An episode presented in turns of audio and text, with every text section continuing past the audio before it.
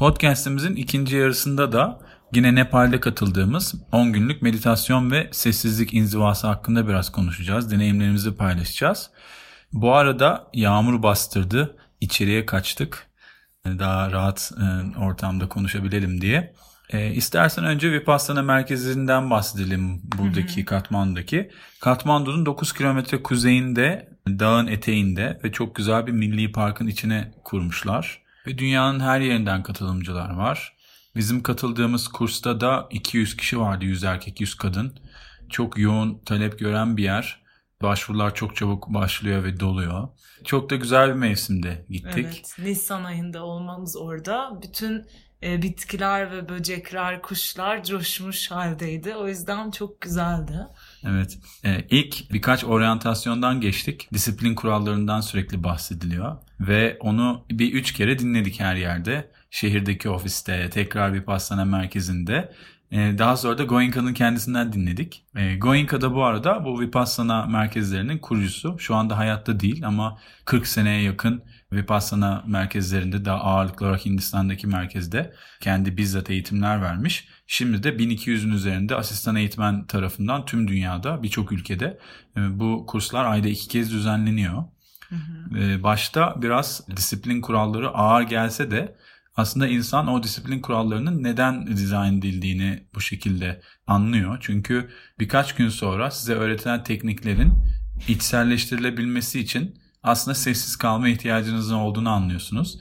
Başka şeylerle de bağlantılı değil mi? Sessiz kalmak sadece içine dönmek için değil.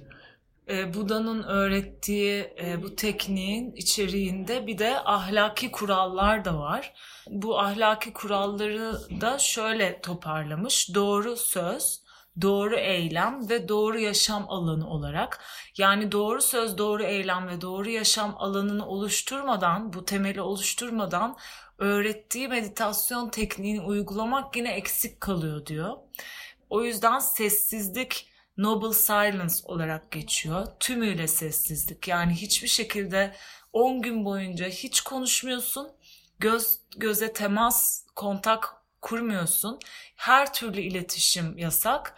Ee, onun dışında okumak ve yazmak, çizmek yasak. Ve bunun gibi bütün iletişimi kısıtlayarak doğru söz kısmını kökten çözmüş oluyor. Çünkü diyor ki bilinçsiz kişi konuştuğunda illaki bir şey bir başka şeyi saklar ya da eylemlerimiz de kısıtlanıyor birçok e, açıdan. İşte yine bilinçsiz kişi bir eylemde bulunduğunda illa bir başkasına zarar verir. E, ikincisi de hiç kimseye ve hiçbir canlıya zarar vermeyeceksin. Öldürmeyeceksin, çalmayacaksın vesaire bunları da kısıtlıyorlar ve bu aslında toplumsal etik olarak algılanmasın buradaki ahlaki kurallar. Aslında yalan söylemiyorsun. Çünkü yalan söylediğinde enerjin dağılıyor. Çalmıyorsun çünkü çaldığında enerjin dağılıyor. Ya da vesaire. Yani bu gibi etkileşimlerde bulunduğunda enerjin dağıldığı için ve hiçbirini yapmadığında tamamen bütün enerjiyi kendine toparladığın ve merkezlendiğin için bu temel sana yardımcı oluyor. Yani bu kurallar senin meditasyon uygulamanda güzel bir alan yaratıyor, alan sağlıyor. Evet ve o kadar insanın arasında e, yalnız bir hayat yaşıyorsun aslında. Aynen, yalnız yani resmen bir monk hayatı 10 gün. Bunu tatmış oluyorsun. E tabi güzel tarafı yemeğini hazırlayan sürekli orada gönüllü insanlar var. Meditasyon yap, uyu kalk, yemek ye. Sürekli evet. bu döngü halinde geçiyor günler. Çok erken saatte güne başlıyorsun. Hı hı. E, dörtte çan çalıyor. Zaten elektronik yok, alarm yok, saat yok. Saati nasıl anlayacağım derdi zaten biyolojik saat bir süre sonra adapte olduktan sonra ortadan kalkıyor. Ve çok yorgun günü bitirdiğin için hemen uyuyorsun. Aslında o, o programa adapte olduktan sonra keyifli bile gelmeye başlıyor açıkçası bana öyle geldi. Vallahi bana dörtte sabah dörtte kalkmak hiç keyifli gelmedi. Hiçbir zaman ama olsun. Onu seni görmesem de hissettim. Kimse şimdi söyleniyordur çok erken kalkıyoruz diye. Ama yaşam orada o kadar güzel saatler dizayn edilmiş ki sabah kalkıyorsun 2 saatlik gün doğumuyla bir meditasyon var ve bütün gün boyunca yemekler dışında günde 10 saat meditasyona oturuyorsun. Bunların arasında da beşer dakika molalar var saat, saat başı veya iki saatte bir. Onun dışında da her akşam yine Goenka yani bu Vipassana merkezlerinin kurucusu hocanın e, Dhamma talklarını dinliyorsun. O zaten en e, güzel, keyifli kısımlarından bir tanesiydi. Entelektüel düzeyde bizi belki tatmin ediyordu ama en azından pratikte ne yaptığımızı, günlük hayatın ne yansıdığını ve altındaki felsefeyi, e, teoriyi anlıyorduk. Çok güzel anlatıyordu. Çok çok da güzel anlatıyor. Zaten bir anda şimdi ileriye zıplayacağım ama son gün kitap satışları olduğu zaman Günsü bir baktım bütün kitapları topladı. Evet. 10-15 tane kitap elimizde bütün Vipassana ve Goenka ve bütün öğretiyle ilgili kitaplar var. Onlardan da faydalanacağız. Zaten evet. aynı şeyler orada da var. Sizler de zaman içinde paylaşırız zaten. Şimdi bir yandan kitaplar yanımızda açık. Bir yandan Buda'nın hikayelerini anlatacağız. Yani okuyacağız buradan. Bir de evet. başlamadan şeyden bahsedelim istersen. Bu Vipassana merkezlerinin hepsi tamamen ücretsiz evet. ve bağış usulü yürüyen merkezler. Hiçbir şekilde ne öğretmenler ne oraya gelen çalışanlar zaten çalışanların hepsi gönüllü e, para almıyor. Ve kursa bizim gibi katılımcılar da hiçbir para ödemiyor. Ne konaklamaya, ne yemeğe, ne kursa para ödenmiyor. Bunu ilk defa Goenka çok komik anlattı bir akşam zaten. İnanılmaz eğlenceli, neşeli de bir adam dinlemesi zaten. Çok komik bir insan. Hem çok bilge biri hem de komik biri. Onu o kadar güzel dengeliyor ki hiç e, sıkılmadan 3 saat konuşsa dinlersiniz. Evet. Şundan bahsetti. İlk defa 70'lerde sanıyorum kendi Burma'daki ustasından, hocasından öğretme iznini aldığı zaman Hindistan'a ilk defa getirmiş. Yani uzun süre sonra Hindistan'a tekrar getirmiş ve hocasının da vasiyetini yerine getirmiş bir nevi. Hindistan'da demişler ki bu kadar insana yüzlerce insan eğitime geliyor nasıl yemek konaklama yapacaksın çok e, zor bir şey bu çılgınlık demiş. Batıya... kadar, evet bir de o kadar fakir insan var. Evet. Herkes yemek için gelir. yani yemek yemeye gelirsen nasıl böyle bir şey yapıyorsun falan. O da şey O da demiş, demiş ki yani yemek yemeye gelip her sabah dörtte kalkıp 10 saat meditasyon otururlarsa buyursun gelsinler. Evet. yani oraya gitmek yani Vipassana'lara gidip biraz kafa dinleyeyim, sessizlik, oh tatil yapayım, yemek Yediğim, de gelsin. önümde yemediğim arkamda. arkamda dersen çok büyük bir hata işlersin. Bunun için gelenleri elemek için de zaten 3 kere bize oryantasyonda bunu bahsediyorlar. Bu çok ciddi bir eğitim, bu çok ciddi bir iş. Yani dinlenmeyeceksiniz. Her sabah uyuyakalırsanız uyandırılacaksınız. Bunlara evet. okey misiniz? Bunlara okeyseniz kalın. Değilseniz evet. hala çok geç değil ayrılabilirsiniz diyorlar. Ve evet. 200 kişi buna okey dediği için orada evet. kaldı. Ve oradaki gönüllüler de aynı şekilde tabii biraz e, oryantasyon onlar da almışlar ve çok sert bir sıkı bir disiplin sağlamak için orada duruyorlar. Çünkü kuralları esnetmeye insan çok e, yatkın olduğundan o kuralları olduğu haliyle korumaya çalışıyorlar geleneksel haliyle. O kurallar kısmını ve geleneksel yaklaşım ben savaş sanatları yaklaşımına çok benzettiğim için hı hı. hoşuma gitti açıkçası. Bir iki gün sonra da neden öyle olduklarını e, tecrübe edince her şey yerine oturuyor. Bir de şeyi devamlı anlat istersen. Bir de batıda Ha evet. Yapmaya on, çalışmış. Evet aynısını ilk defa batıda yapmaya çalıştığında yani da Goenka. E, ücretsiz kurslar. bu kursları yapmaya çalıştığında da Batılılar da hemen kafamız öyle çalışıyor ya e, bunun arkasında muhakkak güçler var. Bu ücretsiz olmasının muhakkak bir sebebi olması lazım. Kimse kimseye ücretsiz yemek vermez, konaklama sağlamaz gibi. Hemen art niyet insanın kafasında bir şey geliyor. Beyin yıkama mı bu ne falan gibi. Evet. E, gerçekten de insan o aşamalardan geçiyor. Kafasına evet. öyle şeyler geçmiyor değil. E şunu da anlatıyor. İlk başlarda sadece bağışlardan konaklama ve yemeği e, insanlardan almışlar. Çünkü çok zormuş. Bağış Hı-hı. yeterince gelmiyormuş tanınmadığı için.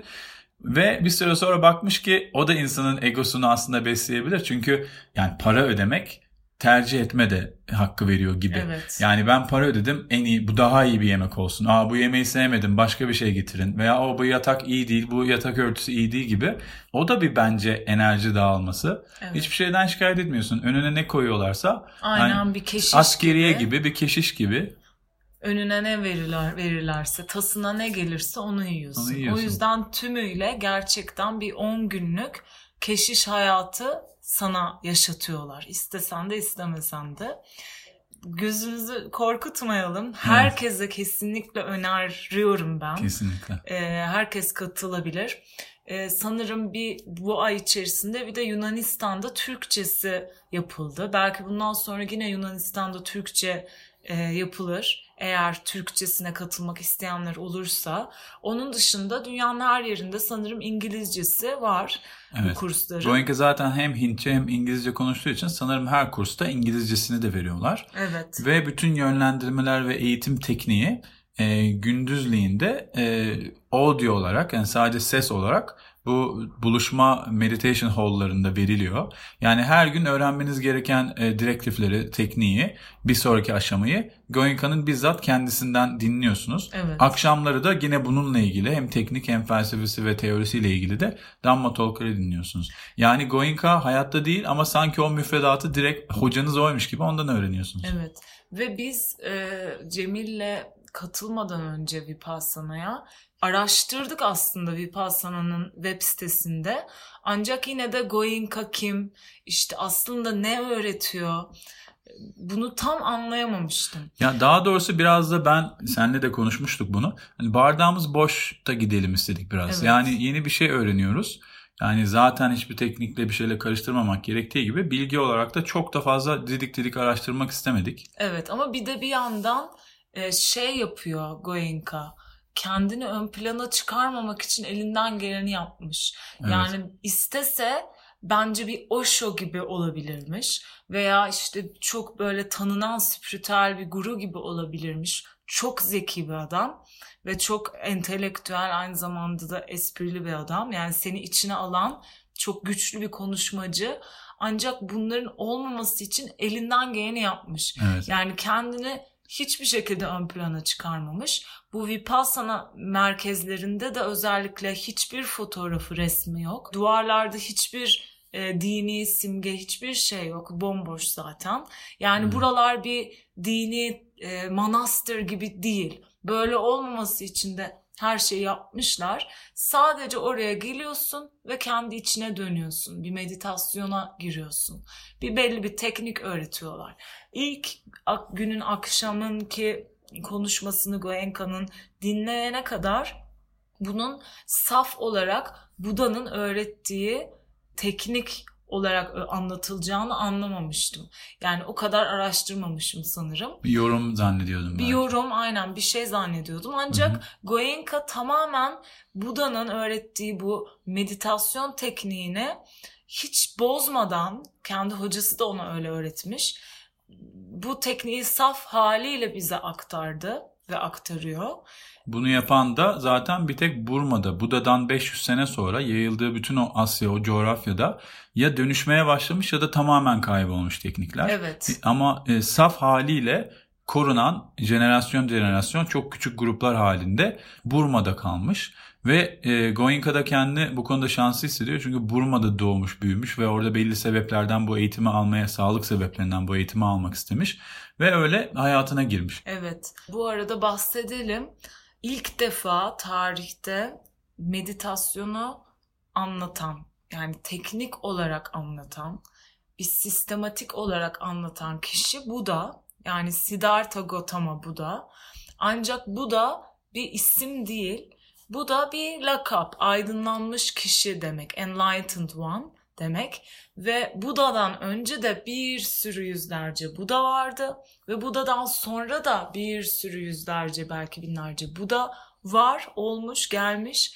Ve ancak sadece Buda yani Siddhartha Gautama Buda meditasyonu ilk defa tarihte bir teknik olarak ama herkesin anlayabileceği şekilde hiç metaforsuz, hiç sembolizmsiz her ritüelsiz. dinden insanın aynen ritüelsiz bir inanç olmadan anlatmış.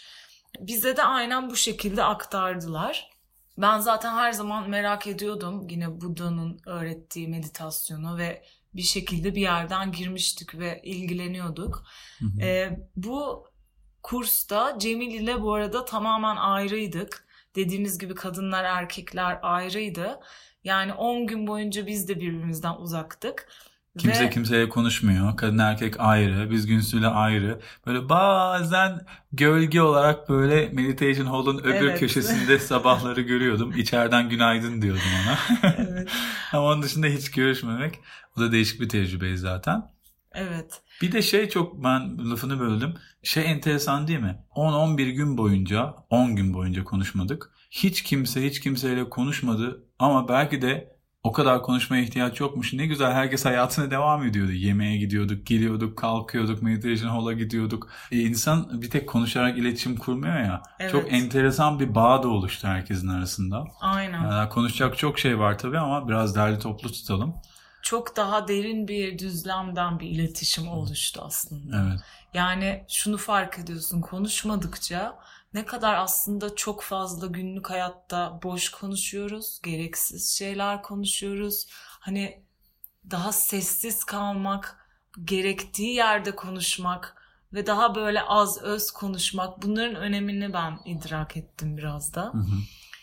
Bu Vipassana'yı anlatmadan önce yani kendi deneyimlerimizi anlatmadan önce Buda'nın hikayesini anlatalım diyorum. Hı hı. Buda prens olarak bir kralın oğlu olarak doğuyor. Milattan önce 600'lü senelerde.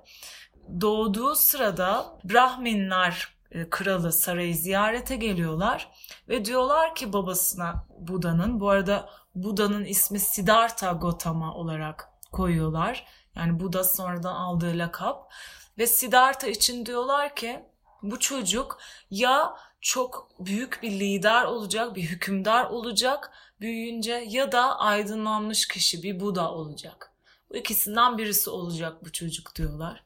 Babası da tamamen aydınlanmış bir kişi, bir Brahmin olmasına karşı ve çünkü istiyor ki o sarayı başına geçsin Hı hı. ve hükümdar olsun. Devam ettirsin. O yüzden e, Siddhartha'ya bütün o dünyevi zevkleri önüne sunarak onu daha çok dünyevi olana bağlayarak onu bütün o dünyanın ızdırabından uzak tutarak sarayın içinde muhafaza ediyor. Onun hiçbir şekilde saraydan çıkmasına izin vermiyor. Bütün imkanları önüne sunuyor ama hiç e, hastalık, kötü e, fakirlik vesaire gibi şeyleri ona göstermiyor. Sanki yokmuş, Yokmuş yaşanmıyormuş gibi. gibi. dünyada. Aynen böyle ona toz pembe bir hayat sunuyor babası. Ancak Siddhartha 16 yaşlarında evleniyor ve e, yine sarayın içinde ve bir çocuğu oluyor, bebeği oluyor. Ve Siddhartha'nın bebeği olduğunda şunu fark ediyor. Bu çok büyük bir attachment, bağlılık yaratıyor bende. O çok büyük bir bağlılık yaratan bir şey bu bebek. Bunu düşünüyor. Ve büyüdükçe de hep zaten sorgulayan bir çocuk. Ve büyüdükçe ilk defa e, 29 yaşında saraydan çıkıyor. Çocuğunu bırakıyor, karısını bırakıyor, herkesi her şeyi bırakıyor ve saraydan dışarı çıkıyor. Ve bir tane yolda giderken bir tane yaşlı görüyor, bir tane ölü görüyor ve bir tane de fakir insan görüyor. Yani bu aslında yaşamdaki ızdırabın üç kaynağı olarak temsil ediliyor daha sonra. Ve bu da e, pardon Siddhartha sorgulamaya başlıyor. Sonra kendine tamamen e, bu aydınlanma yoluna vurmaya karar veriyor. Bu ızdırapları hayatında ilk defa gördüğünde şoka uğruyor. Bayağı sarsılıyor.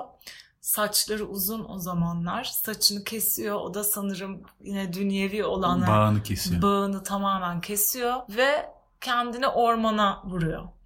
Ve bir hocalar arayış içinde. Hocaları arıyor. İşte Brahminler arıyor veya işte yogiler arıyor o zamanlar.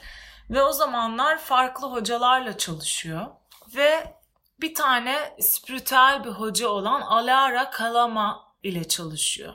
Ve bir de Udaka Ramaputta diye bir hocayla çalışıyor. Bunları okuyorum bu arada kitabından.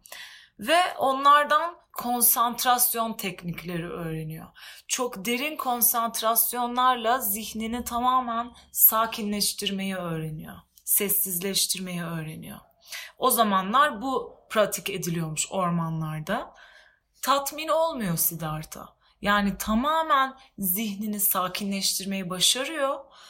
Ancak Ama ızdıraplar hala orada. Evet ancak şunu fark ediyor. Hala en derinlerde kalmış, gizli kalmış kirler var zihnimde diyor. Yani zihnim tamamen arınmadı. Bunu fark ediyor. Ve devam ediyor. Arayışına devam ediyor. O hocaları bırakıyor ve başka hocalarla çalışmak için arayış içine giriyor tekrar. Ve sonra çilecilere rastlıyor. Çilecilerle o zamanlar çileciler var e, bütün bedenlerine acı çektiren insanlar işte yemek yemiyorlar bedenin bütün dünyevi ihtiyaçlarını reddediyorlar ve çile çekiyorlar işte ancak çile çekersen ve bütün dünyevi olanı reddedersen ve bedenin ihtiyaçlarına e, cevap vermezsen aydınlanabileceğini düşünen insanlar ve onlara katılıyor. Ancak fark ediyor ki yine bu arada bayağı seneler sürüyor onlarla çalışması ormanda. Ancak yine de fark ediyor ki bedenin bütün ihtiyaçlarını karşılayarak bolluk içinde yaşamakla bedenin bütün ihtiyaçlarını reddederek yoksunluk içinde yaşamak arasında aslında pek bir fark yok. İkisi de aynı şeyin iki uç zıttı, Ayrı uçlar, kut, evet. kutbu. Ve ikisi de aslında Dengeli değil. dengede değil. Ve diyor ki bu da hani bedenime ızdırap çektirerek bir şekilde aydınlanmaya çalışmak da işe yaramıyor. Bu da benim zihnimi e, arındırmıyor. Ve bu farkındalık onu orta yola doğru gönder yönlendiriyor. Yani ne arzuya çok fazla çekilip bolluk içinde bedeni besleyerek yaşamak ne de bütün bedensel ihtiyaçları reddedip dünyevi olanı reddedip kendine çile çektirmek. Hayır diyor bu ikisi de değil. Bunun bir orta yolu dengesi var ve ben oradan gideceğim. Daha sonra tekrar işte yemek yemeye karar veriyor. Gidiyor bir tane işte ağacın altına oturuyor. Ağacın altında otururken bir tane kız geliyor ona. Çünkü ağacın altında oturduğunda böyle bir iki saat oturmuyorlar. Yani saatlerce, Saatlerce. günlerce falan oturuyorlar sanırım ya da haftalarca. Çok büyük devamlılık var o zamanlarki pratik. Yani şu anda böyle bir saat meditasyon bile çok uzun geliyor ama o hı. zamanlar öyle değil. Çok e, determination. Evet. Ne demekti o? Devamlılık ve evet. İstikrar, adanmışlık, adanmışlıklar. istikrar var. Hı hı. Ve sonra otururken ağacın altında Siddhartha kız geliyor ve onu zannediyor ki o ağacın bir tanrısı. O da çok komik çünkü o zamanlar hep tanrılara inanıyorlar Hı hı. zaten Hindu e, inanışları var. Çok tanrılı dinler var. Ve diyor zannediyor ki ona ağacın bir tanrısı oturuyor orada ve ona bir adak sunuyor. Adak değil, yemek sunuyor. Ve bu da yani Siddhartha yemeği kabul ediyor ilk defa o çilecilikten sonra. İyi ki o yemeği kabul ediyor. Kendini öldürmüyor. Yaşamaya devam ediyor ve Bodhi ağacının altına oturuyor. Ve diyor ki ben bu ağacın altından aydınlanana kadar hareket etmeyeceğim. Asla kalkmayacağım. Yani Hmm. böyle bir derin Adanmışlık. adanmışlık ve devamlılık, istikrarlılıkla oturuyor. 35 yaşında. mı? 35 yaşında. 35 yaşında artık ne kadar oturdu bilmiyorum o her kaynakta farklı şeyler yazıyor. 35 yaşında bu da aydınlanıyor ağacın altında. Ama ne yapıyor? Aydınlanmasını aslında biraz yavaş yavaş açalım. Evet şöyle bir teknik keşfediyor. Oturuyor, hareketsizce oturuyor ve bedenindeki hisleri deneyimliyor. Nefesini gözlemliyor. Hisleri gözlemliyor. Dışarıdaki varoluşun bütün seslerini, beş duyuyu gözlemliyor. Bu arada bu zamana kadar çalıştığı bütün teknikler zaten bu meditasyon nefes tekniklerinde çok ileri seviyeye gelmiş aşamada. Evet. Ve aynı zamanda yogilerle de çalıştığı Evet, için bedeniyle, bedeniyle, de çok iyi. bedeniyle de çalışmış. Hı hı. Ve zaten hep yerde oturuyorlar ve bedenleri yerde oturmaya alışık. Yani o şimdiye kadar onun geldiği o aynen o yol da onu bu şimdiye hazırladı. Ve şunu fark ediyor. Hiç hareket etmeden, hiç fiziksel bir tepkide bulunmadan, hiç zihinsel bir tepkide bulun, bir reaksiyonda bulunmadan gözlemlediğinde o zaman zihin yüzeyden kaba olandan daha inceye inmeye başlıyor. Yani kaba hislerden, beş duyunun oluşturduğu o kaba etkilerden, kaba nefesten, bütün o maddenin kaba halinden daha süptil, süptil, süptil, daha ince, ince, inceye algı inmeye başlıyor. Ve o zaman şunu fark ediyor. Kendi bedeninde bizzat değişim olgusunu fark ediyor. Deneyimliyor. Hani bundan önce de bilinen bir şey. Entelektüel olarak biliyoruz değişim var. Her şey değişiyor. Her, her şey, şey geçici.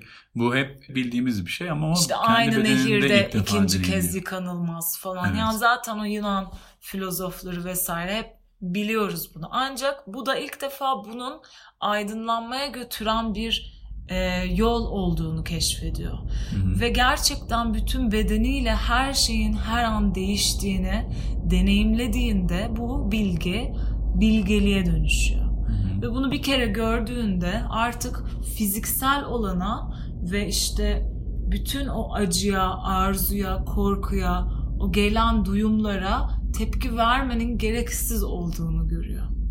Tepki verdikçe besliyorsun. Arzuların geliyor. Hı-hı. Onlara tepki verdikçe bir sonraki arzuyu besliyorsun. Korkular geliyor. Tepki verdikçe bir sonraki korkuyu besliyorsun. Ve şunu fark ediyor işte.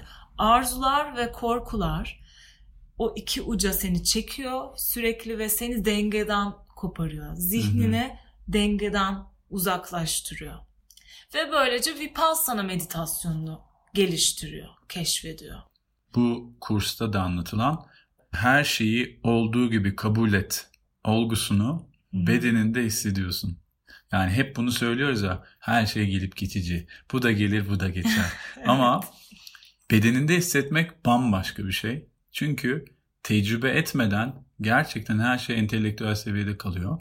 Gözlemci olmayı da mesela sürekli gözlemci ol. Mesela birine çok stres yaşayan birine sen anda dur gözlemci ol nefesinle kal demekle nasıl olmuyorsa yani o kişinin tecrübe etmesi gerekiyorsa gerçekten de bu eğitimde o kadar güzel düzenlemişler ki yani orijinaline sadık kalarak zaten o üç gün boyunca nefes çalışmalarından sonra bir pastanaya geçtiğimiz ilk gün bedenini gerçekten hissetmeye başlıyorsun. Mesela ben kendi yaşadığımı söyleyecek olursam zihin yani hep söylendiği gibi Goenka'nın da söylediği gibi bir maymun gibi sürekli bir daldan bir dala atlıyor ve kontrolde tutmak bir, bir yerde tutmak o da çok zor.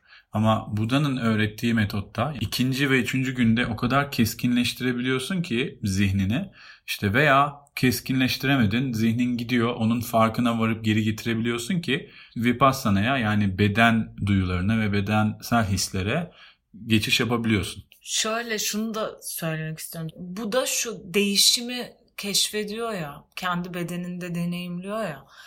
Bunu herkese öğretebileceğini düşünüyor. Diyor ki buna doğanın evrensel yasası. Bu Dhamma'nın yani Dhamma sanırım e, Pali dilinde, hı hı. Dharma Sanskrit dilinde hı hı. ve Dharma'nın doğanın evrensel yasasının e, herkes için geçerli olduğunu söylüyor. Değişim. Yani hiçbir e, mezhep, din, dil, ırk ayırmaksızın tüm varlıklar için geçerli olan bir gerçek bu. Ve bu evrensel gerçeği tüm varlıklar aynı araç ile deneyimliyor. Ve bu araç ne? Nefes ve bedendeki hisler. Evet. Hiç kimse de bu yok yok yani evet. herkes nefes alabiliyor, herkes bedenini hissedebiliyor. Aynı şekilde reaksiyonların da yani bedensel tepkilerin ve zihinsel tepkilerin de ırkı, dini, dili yok, cinsiyeti yok. ızdırap herkesin ızdırap. Yani o universal, evrensel bir şey. Evet. Nefes evrensel bir şey. ızdırap evrensel. Dolayısıyla teknik de yani bu Dhamma ya da Dharma da evrensel olmalı diyor. diyor evet. Ve nefesle ilgili çok enteresan ve inanılmaz hoşuma giden sonra zaten paylaştık Aha. bunu. Bir şey var onu anlatmak istiyorum. Şöyle örnek verdi. Dışarıdaki uzuvlarımızı kontrol edebiliyoruz. Elinle bir şeyi tutmak istiyorsun, tutuyorsun. İşte bacağını kaldırmak istiyorsun, kaldırıyorsun. Kafanı hareket ettiriyorsun, ediyorsun dışarıdakilerle. Hı hı. İçeridekileri de bir o kadar kontrol edemiyoruz. Kontrolümüzün dışında. Yani kalbine, kalbine dur, dur diyemiyorsun. Evet. Olmuyor. İşte ne bileyim iç organına, dalağına, böbreğine söz geçiremiyorsun bizim kontrolümüzün dışında. Hı hı. Ama hem içeriğiyle hem dışarıyla bağlantısı olan tek bir şey var dedi. Nefes. Ve o nefes istediğin zaman durdurup belli bir süre kontrol edebiliyorsun. İstersen hızlandırabiliyorsun. Ama bıraktığın zaman kendi haline de uyurken olduğu gibi kendi ritminde akmaya devam ediyor dedi. Yani ikisini beraber yapan ve içeriyle dışarıya, dış bedenle iç beden arasında köprüyü kuran tek şey nefes. Evet. Ve bunu tabii daha fazla şeyle örneklendirdi. Çok güzel anlatıyor. Kısaca anlatıyoruz şimdi. Ee, onun için nefesle çalışmaya başlıyoruz her zaman. Evet. Şöyle ki ilk iki gün, iki gün mü, üç gün mü? Üç gün Ha, nefes. ilk üç gün e, nefese odaklandık. Burnun ucundaki nefese odaklandık. Burnun ucuna odaklanmamızın sebebi de dikkati törpüleyip törpüleyip zihni daha da keskinleştirmek için küçük bir noktaya odaklanmak çok yardımcı oldu. Zaten Buda'nın öğrettiği e, meditasyonlardan biri işte bu samadhi. Samadhi yani samatha meditasyonu diye de geçiyor. Anapana meditasyonunu öğretiyor. Anapana da nefes meditasyonu demek. Ve ancak nefes meditasyonun ile zihni keskinleştirebilirsen ve dikkati toparlayıp törpüleyip zihni daha işte keskin Odak. hale getirirsen, odağını daha keskin hale getirirsen e, daha sonra vipassana meditasyonuna geçebiliyorsun. Yani o nefes meditasyonu, o ilk üç gün yaptığımız odaklanma nefese ve nefesi olduğu haliyle gözlemleme seni vipassana meditasyona hazırlıyor. Ve hiçbir şekilde nefes meditasyonu yani bu samadhi nefesi regüle etmek, dengelemek, nefesi kontrol etmek üzerine değil. Kesinlikle Büyütmek ya da değil. küçültmek üzerine Evet. değil. Bir nefes Nefesin egzersizi değil yani. Sadece çıplak doğal nefes. Her nasılsa nefesin. Nefesin sığıysa sığ, nefesin derinse derin. Olduğu haliyle sadece ve sadece hiçbir tepki yaratmadan nefesi gözlemliyorsun. Üç gün boyunca bunu yapıyorsun. Şu- Yani dışarıda bir şeye odaklanarak değil. evet. Başka herhangi bir şeye değil. Sadece e, burnun ucuna o küçük bir bölgeye odaklanarak. Ve Buda'nın öğrettiği bu 8 aşamalı bir yolu var, öğretisi var. Bu 8 aşamalı öğretiyi 3 sepete ayırmış Buda öğretmek için daha anlaşılır olsun diye ve bu 3 sepete de Tipitaka deniyormuş. Birinci sepet Sila, Şila da deniyor sanırım buna. Hı hı. Ben tam doğru okuyamıyor olabilirim. Sila ahlak sepeti olarak geçiyor. İşte bizi orada o merkezde tutarken uyguladıkları kurallar bu ahlak sepetinin içinde. Doğru söz, doğru eylem ve doğru yaşam alanı. Bu zemini oluşturduktan sonra ikinci sepet samadhi yani farkındalık sepeti. Bunu da içeren şey doğru odaklanma, doğru çaba ve doğru zihinsel farkındalık. Ve o üç gün yaptığımız burnun ucuna odaklanmak da bu doğru odaklanma, doğru çaba ve doğru farkındalığı geliştirmek için. Samadhi. Bu samadhi'yi geliştirmek için. Üçüncüsü de, üçüncü sepet de panya. Panya bilgelik demek. Ve bilgelik sepetinde de şunlar var. Doğru görüş ve doğru niyet. Hı hı. Ancak doğru görüşü ve doğru niyeti, doğru odaklanma, doğru zihinsel farkındalık ve doğru çabayla geliştirebiliyorsun. Yani hepsi birbirini dengeliyor. Bir tripodun üç ayağı gibi. Hı hı. Yani sadece ismi Vipassana kursu olsa bile biz şu an biz sadece Vipassana'yı öğrenmiyoruz. Zaten bu diğerlerini geliştirmeden Vipassana'ya gidemiyorsun. E, Buda da bunları zaten çok dengeli bir şekilde öğretmiş. Ya da biri olmadan diğeri olmuyor. Ancak tabii son nokta Vipassana olduğu için buna ismine Vipassana kursu demişler. Ve e, ilk üç gün bu anapana nefesini uyguladıktan sonra zihni odağı törpüledik, törpüledik, törpüledik ve Vipassana yani bilgelik meditasyonuna bizi hazırladı. Vipassana'yı uygulamak için yani o bilgelik ve içgörü geliştiren meditasyonu uygulamak için önce kendi nefesini doğru olduğu haliyle gözlemleyebilme yeteneğini geliştiriyorsun. Ve daha sonra dördüncü gün, dördüncü gün bu Vipassana medita- meditasyonuna başladık. Bedene geçtik ve bedendeki hisleri yavaş yavaş e, fark etmeye başladık ve nefes dışında bedendeki hisleri de acı, Keyifli veya keyifli veya keyifsiz. keyifsiz ayırt etmeksizin olduğu haliyle gözlemlemeye başladık. İşte o zaman başladı O zaman her şey. yavaş yavaş o sürekli bahsettikleri kurs boyunca da Goenka'nın bahsettiği anicca Anicca. yani anicca Anicca. inanılmaz o kadar beynimize işledi ki çünkü çok Değişim demek bu arada. yani eğitimin bu arada o kısmını da çok çok beğendim. Çünkü yani ben sürekli savaş sanatları Ya derslerimde söyle. onu söylerim. Bir başarının anahtarı var. Yani burada bir başarı meditasyonu başarıdan bahsetmiyorum. Bir şeyi öğrenmek istiyorsan, bir yetenek kazanmak istiyorsan tekrar tekrar tekrar tekrar, Tekrar. sabır. Bıkana kadar tekrar. Tekrar. Yani aynı şeyi saatlerce yaptık. Bu daha başlangıcı yani 10 günde her şey oldu bitti değil. Bunu hayatın boyunca belki yapman gerekiyor. Ve teorik olarak öğretirken bile tekrar ediyor. Her Evet. şey tekrar o kadar çok tekrar etti ki yani sıkılmadan dinliyorsun. Çünkü Ben farklı cümlelerle sıkıldım. bazen sıkıldım. olabilir. Farklı cümlelerle aynı şeyi veriyor sana. Mesela Anicca da onlardan bir tanesiydi. Az önce bahsettiğin şey aslında her şeyin geçiciliği ve bu evrensel bir yasa. Evet. Yani bunu şu anda zaten bilim adamlarının söylediği şey. En son NASA'nın bilmiyorum doğru bir kaynak mıydı o ama NASA'nın madde yok falan demesinin sebebi yani bütün atom altı parçacıklarının sürekli değişmesi. Bu yasayla alakalı aslında. Her şey geliyor geçiyor. Hiçbir şey sürekli değil ve bu süreksizlik içinde neden takılı kalalım? Hı hı. Yani iki uçta az önce dediğin gibi aslında mutlu etmiyor bizi.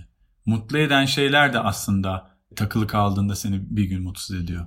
Bunların hepsini konuşuyoruz işte böyle podcast'te de konuşuyoruz veya dinliyoruz videolar. Entelektüel seviyede çok iyi anlıyor herkes. Daha önce de meditasyon yapıyorduk. Farklı teknikler uyguluyorduk. İlk defa o teorileri bedenimde hissettim ve algılamaya başladığımı hissettim. Ama Goenka kafaya vura vura hissettiriyor. Ben Evet. onu deneyim. Yani hissetmemen çok zor yani. Evet. O 10 gün içinde o kadar Evet. çok tekrar tekrar Evet. hisset, deneyimle, gözlemle diyor Evet, ki evet. hani zorundasın hissetmek. Kaçış yok yani. Hı hı. O kadar e, güzel bir sistem. Şimdi sessizliğin olması, hiç kimseyle bir şey paylaşmaman, sadece kendinle olman, yemek yiyip orada oturman, uyuman, dikkatini dağıtacak hiçbir şeyin olmaması. E, zaten o üç gün arkasındaki doğru e, dediğin gibi egzersiz, pratik sonunda seni oraya ulaştırıyor. Hani belki diyorum o kuralları olmasa dışarıda kendi hayatımızda bunu yapmaya çalışsak o üç gün olacak belki bir hafta iki hafta. Evet. Tabii sı- sıkıştırılmış bir program gibi oldu. Hı hı. Ee, bize sadece tekniği öğretmiş oldu. Bundan sonrası tamamen bizim elimizde. Biz kendimiz tekrar etmeliyiz. Onu devamında o kısımlara da girelim. Ben şöyle deneyimledim. Vipassana meditasyonuna başladığımızda dördüncü gün sanırım. An be an bedenindeki duyumları ve dış dünyadan o beş duyuya gelen etkilerin e, bedenimde bende oluşturduğu tepkileri gözlemleme fırsatım oldu. Yani sana diyor ki ilk başlarda sanırım dördüncü günden sonraydı tepki verme. Dördüncü gün. Evet yani tepki verme diyor ve mümkün değil. Yani hareketsiz otur, hareket etme ve tepki de verme. Yani o acı gelsin ve sen hareketsiz gözlemle. İşte o düşünce gelsin ve sen tepkisiz gözlemle. Tamamen sadece gözlemci olarak kal. Keyifli olan hisse de gitme, keyifsiz olan histen de kaçma. Hı hı. İkisinin ortasında her şey aynı mef- mesafede kalmayı pratik et. Gerçekten hani bunu kendi bedenindeki hisler aracılığıyla pratik ettiğinde her şeye aynı mesafede kalmayı e bunu gündelik hayatta da nasıl yapabileceğini anlamaya Hı başlıyorsun. hı. Örneğin benim deneyimlerimden birisi 200 kişilik salon ve 200 kişi aynı anda dakikada belki 10 kişi öksürüyor. Yani herkes öksürüyor. Çünkü Evet. sanırım sustuğun için, konuşmadığın için sürekli boğazını temizlemen gerekiyor vesaire. Ve e, 10 gün boyunca düşünün her dakika öksürük. E, ve bu benim için bir pratik oldu kendi başına. Onun dışında salonun dışında da her türlü yüzlerce kuş türü var zaten. Sürekli susmayan kuşlar. Bir yandan o öksürük sesleri ne kötü olarak şartlanmışım. Ve diğer bence herkes öyle tabii normal zihin yapısı. Hı hı. İşte kötü ve rahatsız edici olarak şartlanmışım. Bunu fark ettim. Ve ama kuş sesleri de mesela ilk gün harika, çok güzel kuşlar ötüyor falan. Buna da güzel olarak Evet. şartlanmışım. Kuşlar ötünce iyi hissediyorum. Öksürükler duyunca kötü hissediyorum falan. Ve sonra şunu fark ettim. Kendi bedenimdeki hisler için de aynı şey geçerli. Acı hissi kötü ama işte bir keyif hissi, güzel bedendeki güzel bir his, işte bir enerji akışı güzel bir his. Bu şartlanmaları görmeye başlıyorsun. Hı. Ve sonra ilk gün güzel gelen kuş sesleri ikinci gün bana işkence gibi gelmeye başladı. Çünkü hani nasıl şartlanmalar içindeyiz. Aslında orada güzel veya çirkin diye bir şey yok. Aslında orada keyifli veya keyifsiz diye bir şey yok. Hepsi benim kendi kafamın içindeki tanımlar. Ve ben ikinci gün herkesle kavga etmeye başladım. Hocalarla kavga aynen içimde her şey benim içimde oluyor. Savaş tamamen kafamın içinde. Hocalarla kavga ediyorum, asistanlarla kavga ediyorum, kuşlarla kavga ediyorum, öksürenlerle falan. Ben herkesle kavga ediyorum falan. Böyle acayip bir öfke çıktı benden. Canavarlar çıktı. Sonra kaldıkça, devam ettikçe e, zaten şey diyor Goenka'da ikinci gün çok zor diyor sanırım. Öyle bir Evet. şey diyor. İkinci gün ve altıncı Evet, güne iki ve özellikle altıncı vurgu gün. yapıyordu. Aynen. O günlerde "Aa, bırakmayı düşünmeyin. Biraz daha devam edin. Özellikle ikinci günde kendisi de ilk kursunda ayrılmayı düşünmüş Evet. zaten. Onu da öyle tutmuşlar orada. Evet ve ben şeyi fark ettim işte ikinci günden itibaren keyifli hisleri istiyorum, keyifsiz hisleri istemiyorum. Ve bunu Goenka söylüyor zaten. Bu bir tek bende değil. Tabii herkes de. herkeste olan şey. Keyifli hisler gelsin. Oh karıncalanmalar, işte akış hissi, güzel yumuşak hisler gelsin. O zaman meditasyon. Hı hı. Ama işte acı, ağrı, uyuşma gelmesin. Onlar Evet. gitsin. O kötü. O zaman meditasyon olmuyor falan. Böyle bir şartlanma içinde. Ve şunu fark ettim. Acı olmazsa ve çok rahat oturursam ancak o zaman meditasyon yapabileceğim. Sen bunu hissettin mi? Ben Goenka'nın da tabii motive konuşmalarıyla o acı tabii ki mesela dördüncü günde postür, sırt falan birazcık ağrıyor. Ama dizlerim ağrımaya başladığında ben şey yapmaya çalıştım. Evet tabii rahatsız edici ve il, odağımı bayağı aldı. Hı. Onu kullanmaya çalıştım. Yani odaklanabileceğim bir şey olarak kullanmaya çalıştım. Ve sonra onu kullanmayı anladıktan sonra işime yaradı. Ama Hı hı. tabii başta keyifsiz bir şey. Başlardan bahsettim. Tabii, Aynen. tabii. Yani o ikinci, üçüncü, dördüncü günler. Evet sonra zaten o geliyor. Zaten oturdukça ben şunu da fark etmeye başladım. Beden tar- tarama sırasında e, fark ettiğim şey bayağı böyle hani sarstı beni. Çünkü şu algı geldi. Bizim daha ince duyumları algılamamız için yani kaba bedenden daha ince daha ince duyumları algılamamız için dediğin gibi hiç hareket etmeden birer saat Hı hı. günde toplam 3 Üç saatten saat. Bir saat oturmamızı istediler. Yani hiçbir şeyini düzeltmeden. Ne diyor ona? Bacaklarını açma, kollarını Ellerini açma. açma. ve gözlerini açma. Hı hı. Bir saat böyle oturacaksın ve hareketsiz oturdukça da ortaya çıkan acı ekstra fazla Hı oluyor. hı. Çünkü meditasyon yaparken sürekli bir yerin mi acıyor? Hemen hareket oynuyorsun. Hemen işte düşünmeden hareket Hı hı. ediyorsun. İşte burnun kaşınıyor hemen kaşıyorsun Hı hı. vesaire. Bu gibi hareketleri de yapmamamız Evet. istendi.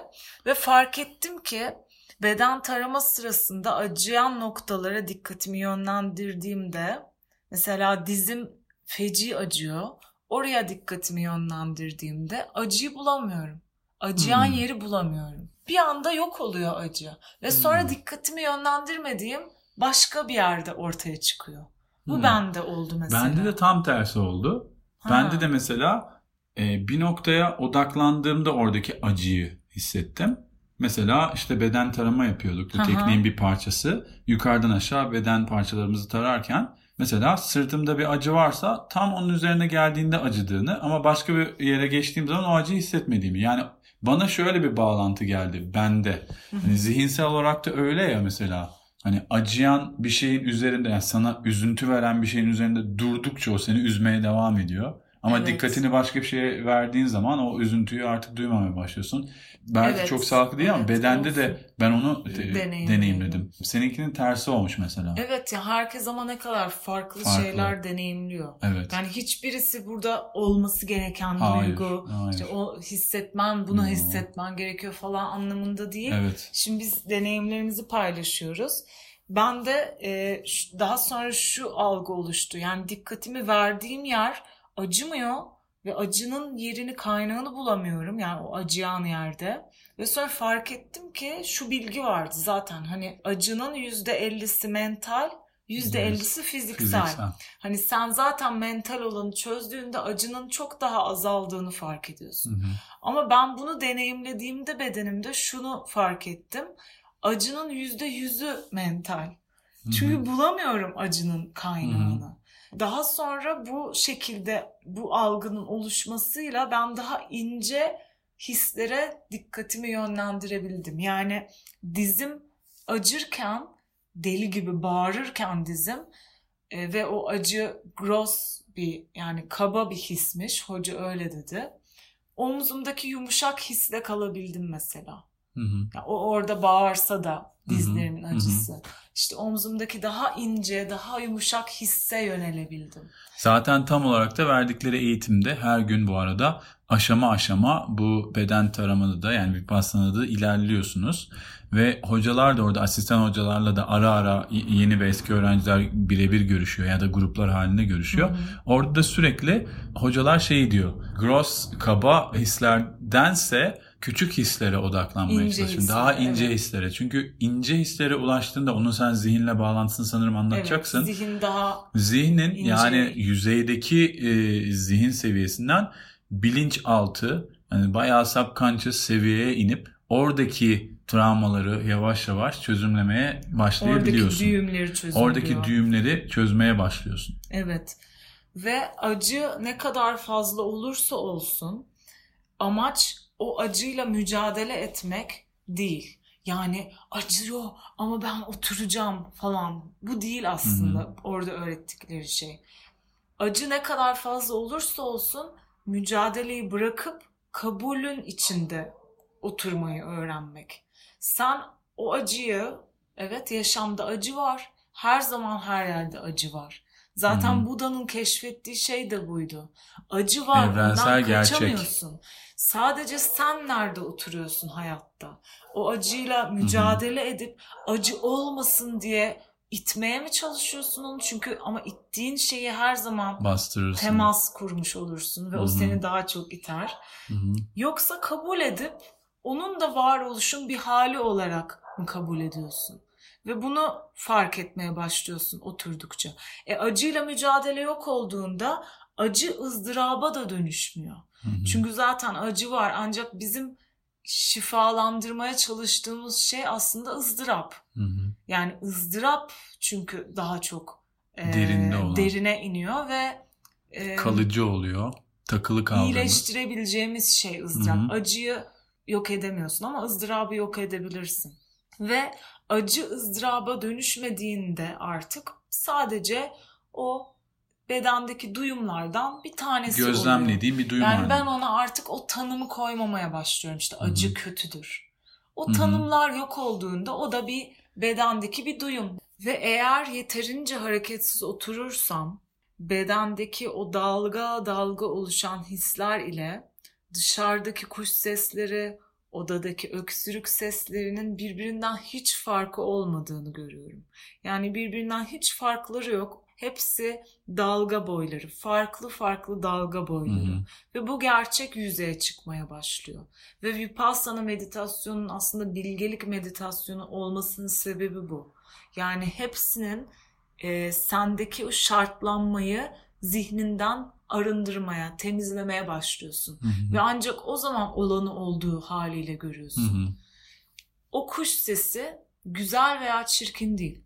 O kuş sesi sadece. Evet. O öksürük güzel veya kötü değil. Sadece bir öksürük, bir ses, bir duyum, bedendeki bir his. Ve dış, bu- bunu şunu fark ettim.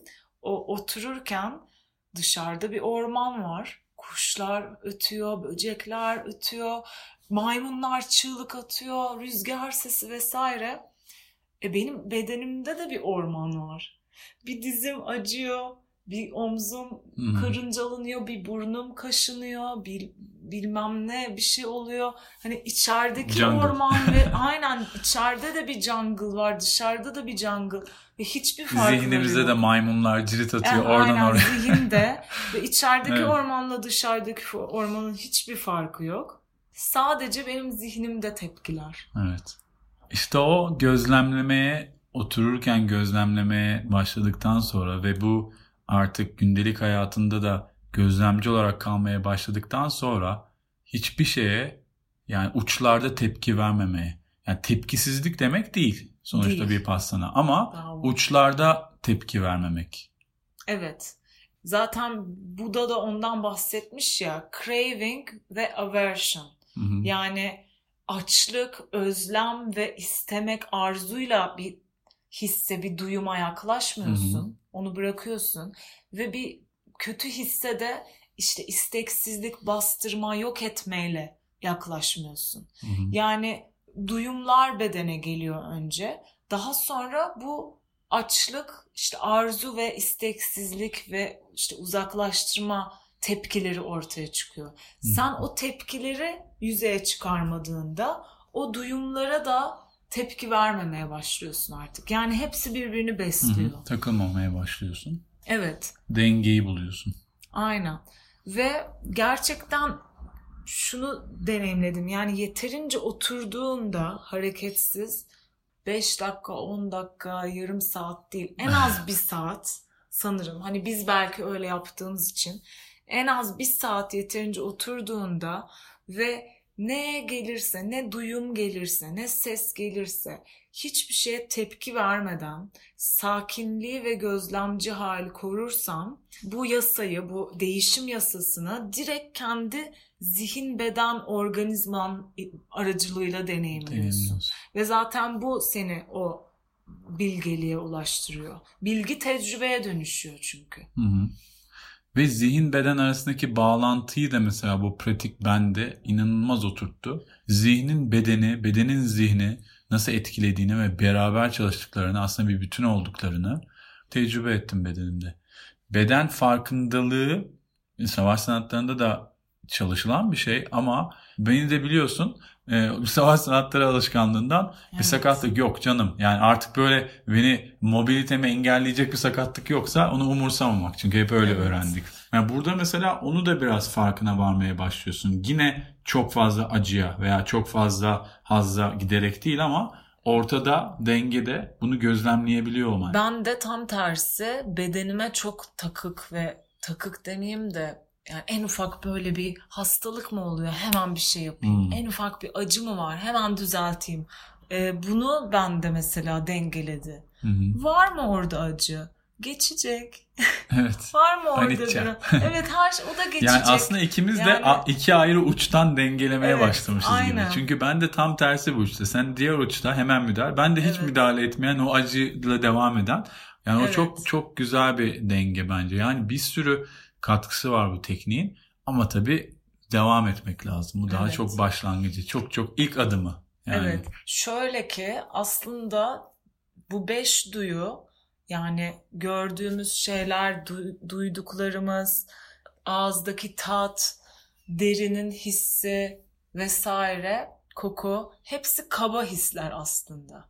Yani gross body dedikleri, kaba beden dedikleri şey ve bedendeki acı hisleri ve çok böyle belirgin hisler de aslında kaba hisler.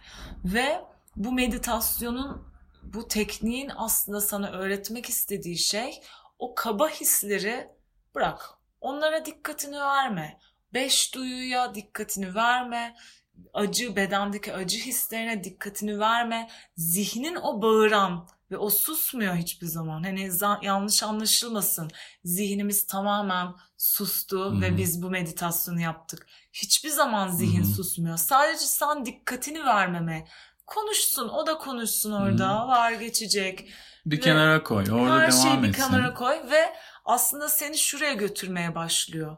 O kaba hisler ve o kaba duyumlar senin daha ince hisleri ve varoluşun daha ince hallerini deneyimlemene ve görmene bir perde oluyormuş. Ve zihnin de o konuşan, bağıran hali daha ince fısıltılara, daha hı hı. yumuşak sesleri duymana bir perde oluyormuş. Geçen bölümlerin birinde Eckhart'ın bir örneğini vermiştim. Hı hı. İşte zillerin rezonansın en düşük olduğu yerde dikkat en yüksek olur.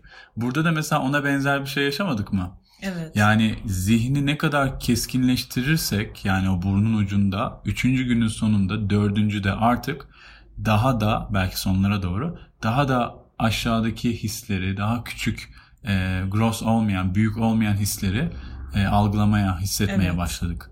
Yani onun gibi sanki. Ve daha ince hisleri algılamaya başladığında e, o zaman sanırım anlayışın varoluşla ilgili anlayışın daha derine, zihnin daha derin bir düzleme, her şey daha derine inmeye başlıyor.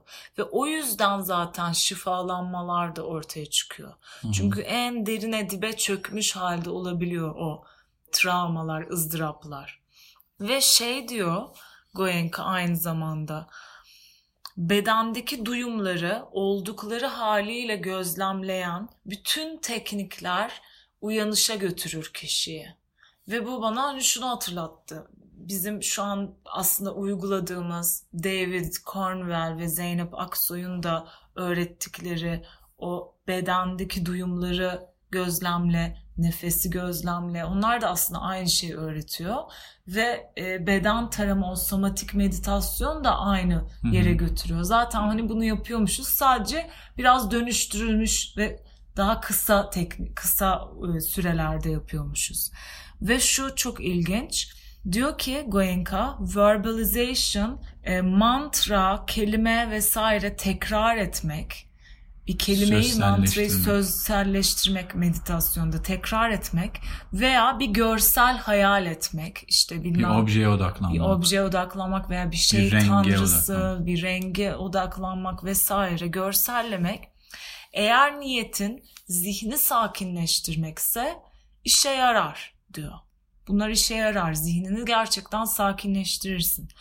Ancak zihnini sakinleştirmek yüzeyseldir diyor. Çünkü içi kirli su dolu bir kova suyu durgunlaştırmak gibidir.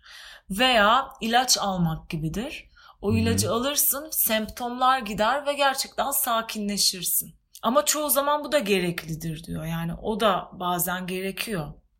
Ancak kelimeler ve görseller kişiyi şu anın gerçekliğinden uzaklaştırır. Çünkü nefesine odaklanmıyorsun veya bedenindeki hislere odaklanmıyorsun. Bir hayali bir şeye odaklanıyorsun. Yine şu anda kendi bedeninin gerçekliğinde şey. değilsin ve bedeninin dışında aynen. Ve şu anda nefesi ve bedendeki duyumları oldukları haliyle gözlemlemek, olanı olduğu gibi görmek işte bu zihni arındırır. Diyor ki bu tekniğin amacı zihni sakinleştirmek değil. O zaman kelimeyi sürekli tekrarla, belli bir mantrayı tekrarla vesaire. Zihni sakinleştirmek çok yüzeysel. Bu tekniğin amacı ve zaten Buda'nın da amacı oydu. O yüzden çilecileri bıraktı ve yeni bir şey denem denemeye ve ara aramaya çıktı. Zihni arındırmaktı. Daha derinine inip daha derindeki o kirleri temizlemekti. Purification of the mind diyor. Zihni tümüyle arındırmakla ilgileniyordu. Ve ancak yalnızca zihni arındıran bu teknikler kökenine inebiliyor sorunun. Yani bu kovayı boşaltmak gibi hmm. artık ya da suyu temizlemek gibi. Zihni tüm şartlandırmalardan arındırmak ancak kişinin ızdırabını sonlandırabiliyor. Goenka e, Sankara diye bir şeyden de bahsediyor. Şöyle söylüyor, kişi artık o beş duyunun bedene getirdikleri ile acıya veya zevke çekilmediğinde her şeyin geçici olduğu gerçeğini hatırladığında artık bu iki duygudan kaynaklı tepkiler vermemeye başlıyor. Ve bu iki duygudan kaynaklı tepkiler vermediğinde de sankaralar yaratmamış oluyorsun. Yeni sankaralar yaratmamış oluyorsun diyor. Sankara'yı bir e, kayanın üzerindeki derin bir ize benzetiyor. Kayanın üzerine çizilmiş derin bir iz. Ve şöyle söylüyor. Her tepkimiz yani acıya ve zevke odaklı her tepkimiz izi derinleştiriyor. Yeni bir sankara yaratıyor. Çünkü her tepkimiz bir önceki tepkilerimizden doğuyor ve bir sonraki tepkilerimizi besliyor. Yani her tepkimizle ızdırabımızı beslemiş oluyoruz diyor. Zihin de tepkiyle besleniyor.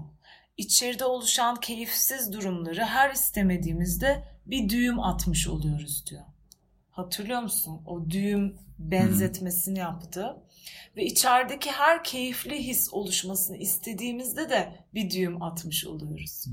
Yani düğüm üstüne düğüm ve bir sürü en sonunda kocaman bir dev bir çözmesi zor düğüm yumağımız oluyor diyor. Ve işte tepki vermeyi bıraktığında yeni bir sankara yaratmamış oluyormuşsun ve eski sankaralardan da arınmaya başlıyorsun. İşte o purification of the mind dediği o. Yani zihnin arınması o zihnin o eski paternlerinden arınması. O düğümler çözülmeye başlıyor artık yavaş yavaş.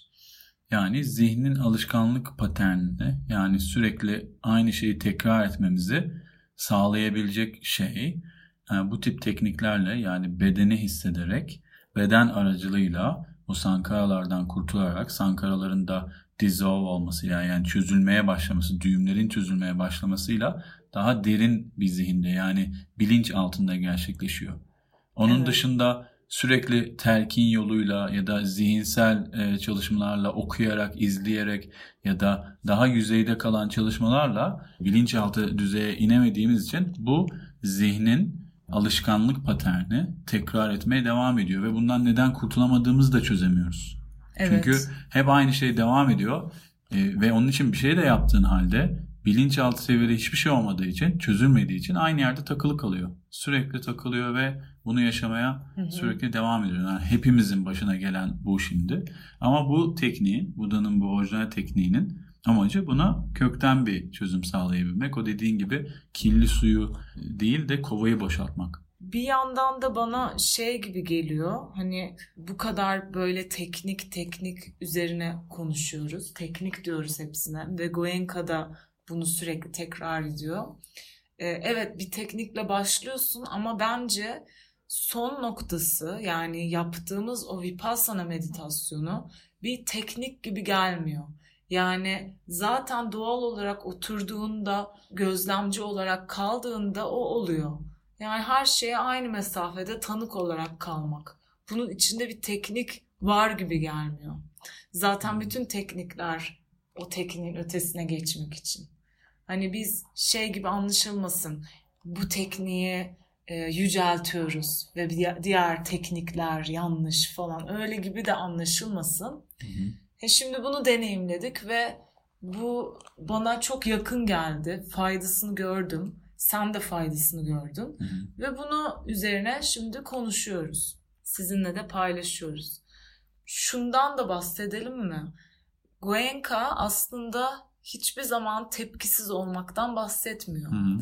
Yani öyle anlaşılabilir. Hep hani otur, hiçbir tepki verme, sadece gözlemle. Ancak aslında tepkisiz olmak demiyor. Diyor ki zihnini arındırmış kişinin günlük yaşamda ve o ani tehlike anlarında veya gerekli yerde bir tepki vermesi gerekiyor diyor. Ancak o verdiği tepki artık bir kayaya derin bir iz kazımak gibi değil, bir suya çizgi çekmek gibi geçici olur. Yani kalıcı olmaz diyor. Kişisellikten, kinden, nefretten, öfkeden, arzudan, açgözlükten arınmış olur diyor gereğini yapar ve geri çekilir. O samurayın hikayesi Hı-hı. gibi. Mesela kızar kişi ancak öfke duymaz. Veya sever ama sevgisinde o yakıcı tutku barındırmaz. Bütün eylemlerinde, bütün tepkilerinde doğal olarak kendiliğinden bir şefkat ve bir yargısızca bir kabul vardır diyor. Hani yine tepki veriyorsun. Yine tepkilerin gerekli olabilir günlük hayatta ama artık karşı taraf içinde bir iz bırakmıyorsun. O sankara yaratmıyorsun diyor. Mesela e, şöyle bir şeyden de bahsetti Goenka. Bu Gotama Buda'dan önce de aydınlanmış kişiler tarafından arzuların ve korkuların, isteksizliklerin ızdıraba sebep olduğu ve ancak bu e, duyguların dizginlenmesiyle ızdırabın sonlandırılacağı biliniyordu. Bunlar zaten hani eski metinlerde Buda'dan önce de aydınlanmış kişiler tarafından öğretilen şeylerdi. Peki ama nasıl? Yani nasıl olacaktı bu ızdırabın sonlanması ve bu duyguların dizginlenmesi?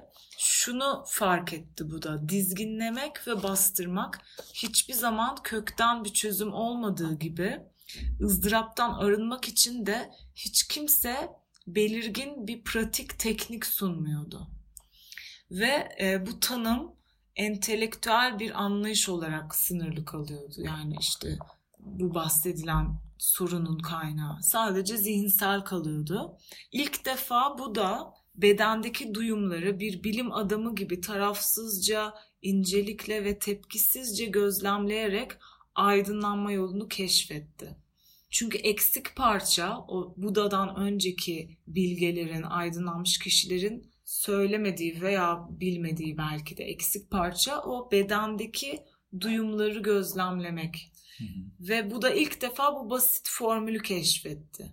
Yani her bilinç seviyesindeki insanın anlayabileceği şekilde bu tekniği öğretmeye başladı. Ve hiç öteki dünya ile ilgili değil, herhangi bir ritüelle bağlantılı değil, bir dinle bağlantılı değil, bir mantra okumak yok, bir obje yok. Tamamen çalıştığın şey kendi bedenin. Yani aslında evet. ne kadar basit bir o kadar evet. da zor. Evet. Ve kimsenin yapmayı belki de düşünmediği demeyeyim de istemediği şey. Çünkü çoğunluk o yolun doğru olduğunu biliyorsa bile o yolla başkası zaten kestirmeden götürebileceğini düşünüyor.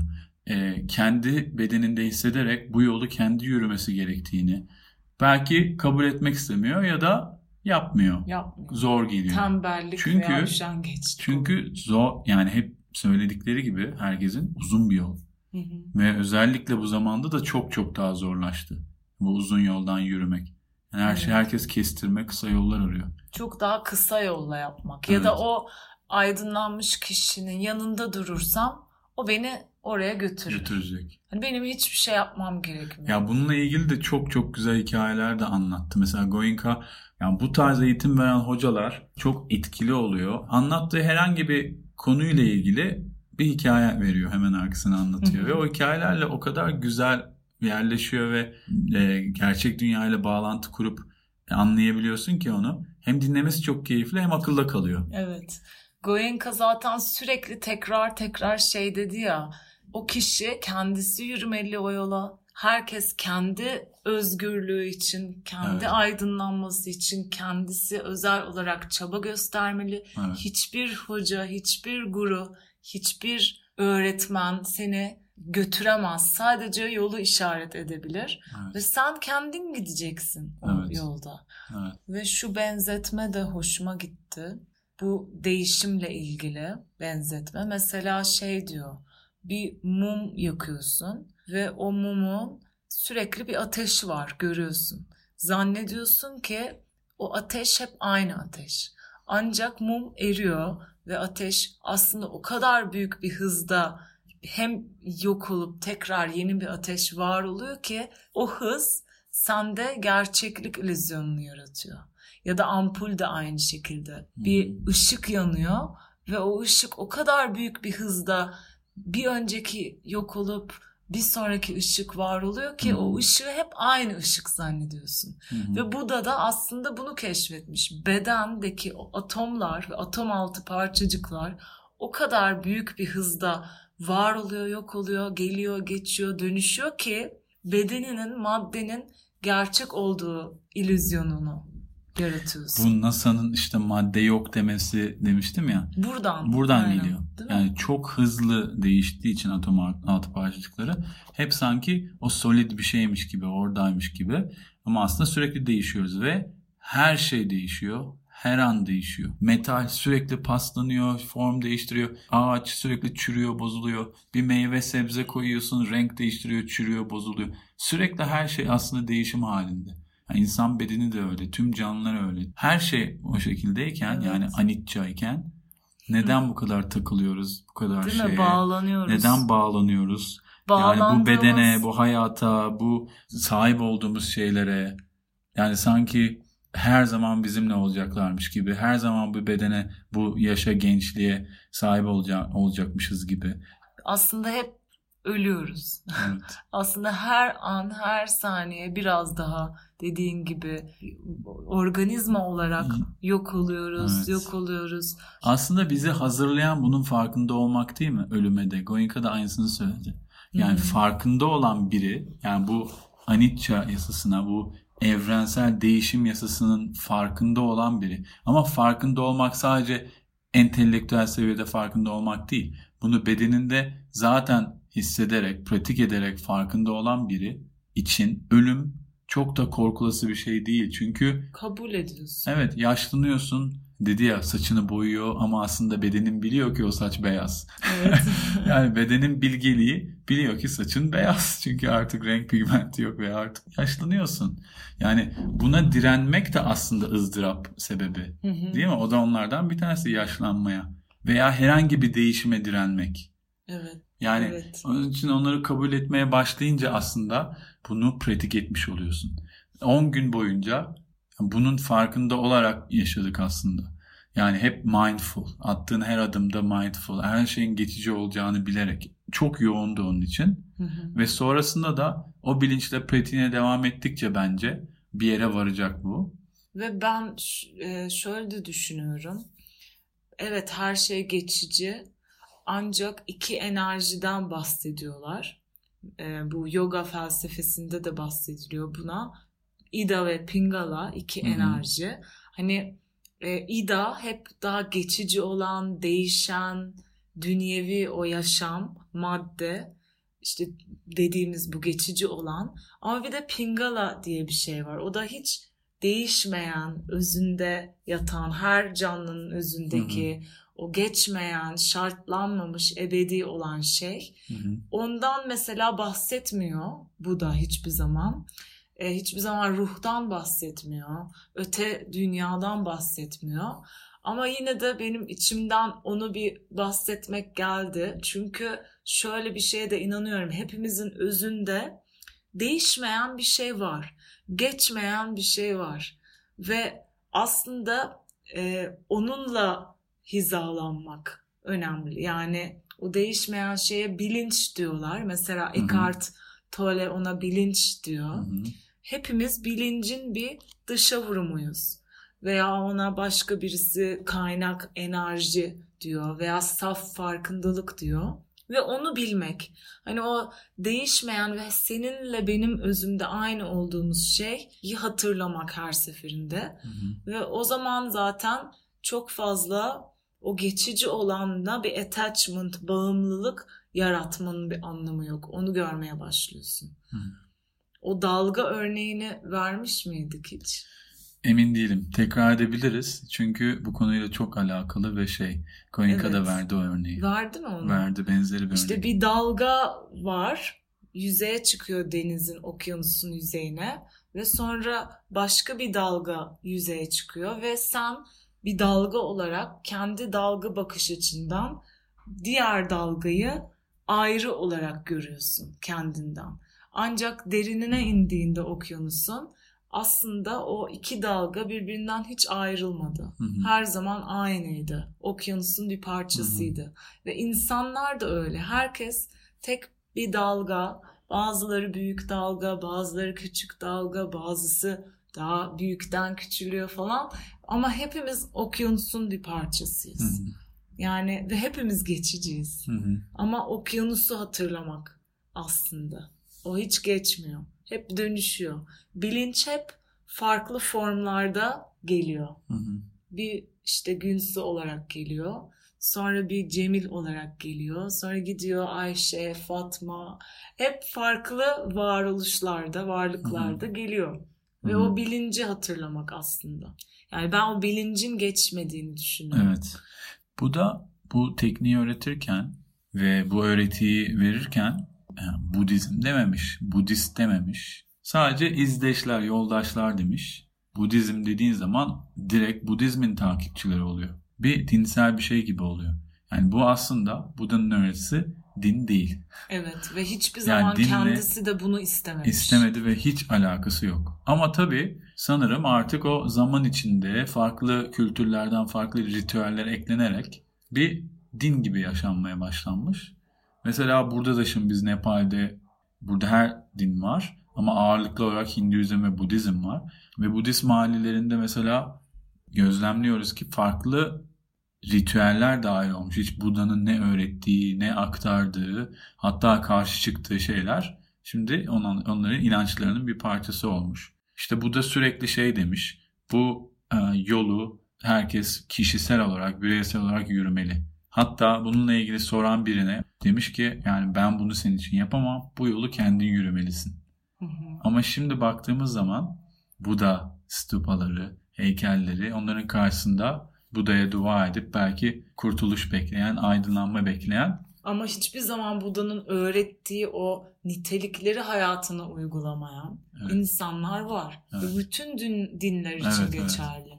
O kişiler aslında belli nitelikleri, erdemleri sembolize ediyor. Hı hı. Sen gerçekten hani Buda'ya inanıyorsan Buda'nın sembolize ettiği ve öğretmeye çalıştığı o işte şefkat, farkındalık, bilgelik, ahlak bu gibi nitelikleri kendi yaşamına dahil işlemelisin etmelisin, evet. ve deneyimlemelisin. Ama sen bunları hiç deneyimlemeyip sadece bir kişi olarak ona tapınmaya başlarsan o zaman tamamen öğretinin dışına çıkıyor ve yani onun öğretmek istediği şeyin dışına çıkıp bir dinleşmeye başlıyor. Kişiler onların ötesine geçmek için. Hı hı. Yani onlara tapınmak için değil. Onlar belli şeyleri sembolize ediyor. Goenka bunu çok güzel anlatıyordu ve kendisi özellikle üstüne bastırarak söyledi. Hiçbir şekilde Buda'ya tapmıyorum diyor yani.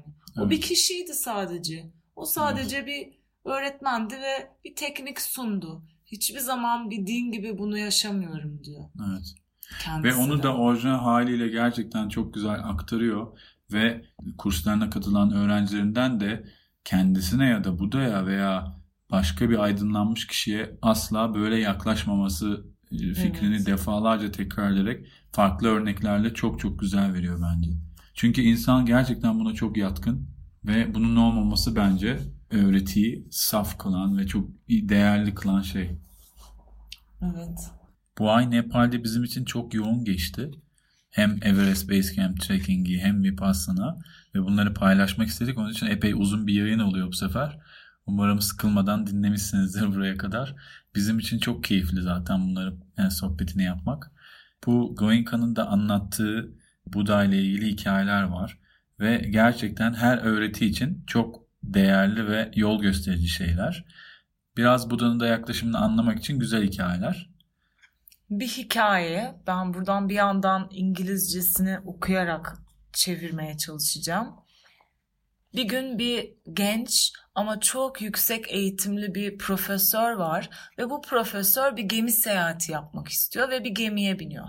Ve gemide de bir denizci var. Denizci de bu profesörü izliyor, görüyor ve çok imreniyor onun yüksek eğitimli olmasından.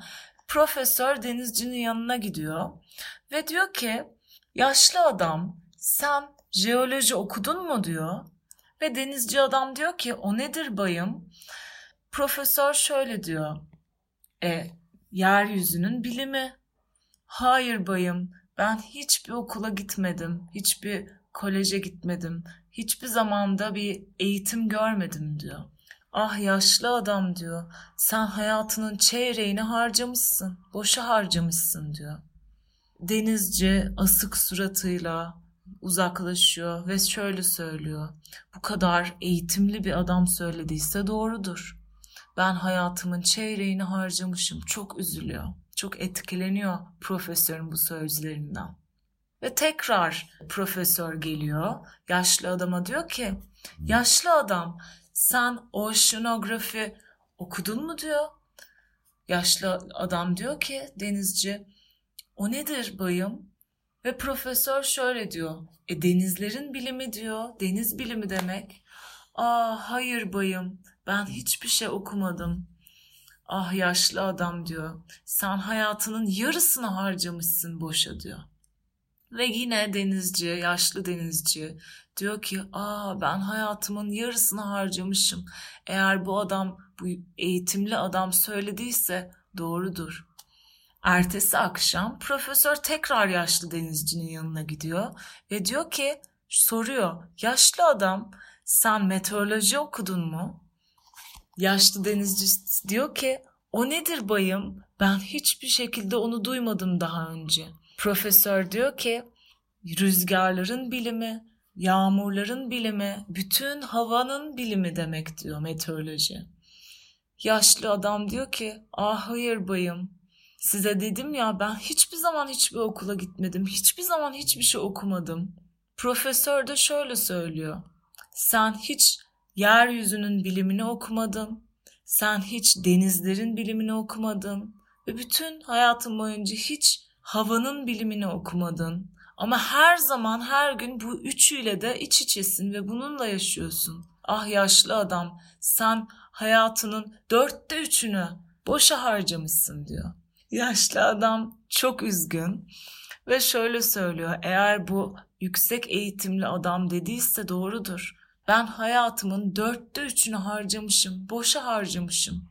Ertesi gün bu yaşlı denizci koşa koşa büyük bir panikle profesörün kabinine gidiyor.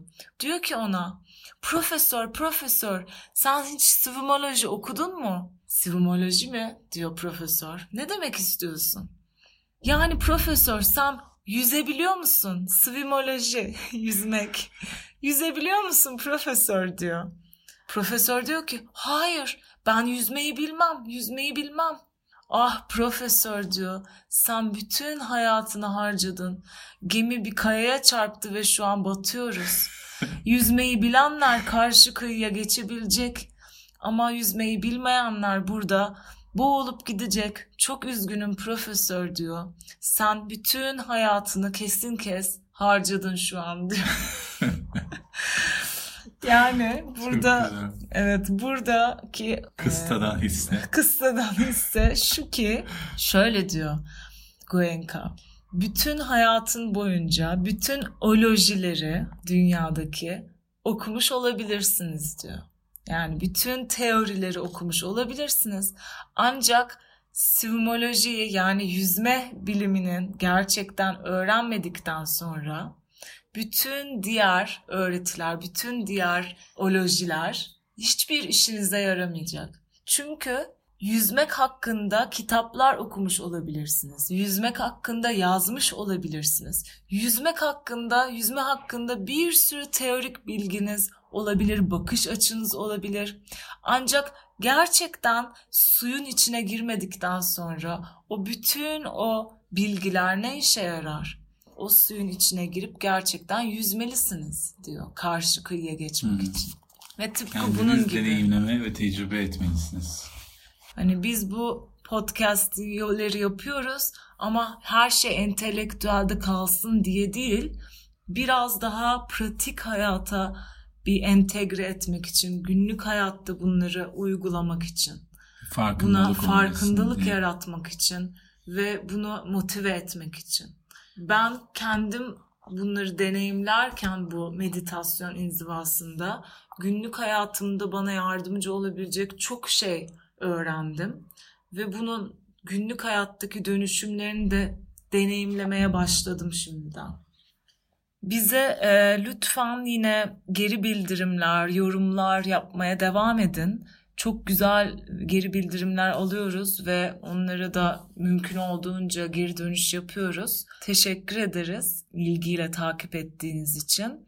Onun dışında bu e, Mayıs ayı sonunda 17-20 Mayıs arasında bizim zaten 2016'dan beri senede iki kez yaptığımız kamplarımız var ve 17-20 Mayıs'ta Antalya'da Geyik Bayırı'nda Cemil ile birlikte bir kamp düzenliyoruz tekrar ve bu kampın içeriği yoga, savaş sanatları ve kaya tırmanışı.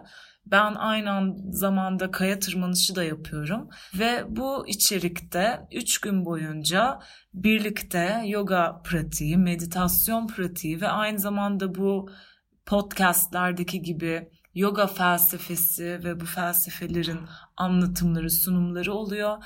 Cemil bu kampta Wing Chun kendi alanı, onu öğretiyor. Aynı zamanda ilk defa e, Eskrima öğretecek. Wing Chun Çin savaş sanatı ve Eskrima'da Filipin savaş sanatı. Onun dışında da hiç deneyim gerektirmeyen kaya tırmanışı e, yaptırıyorum size. Yani hiç daha önce denemiş olmanız gerekmiyor, tecrübe gerekmiyor.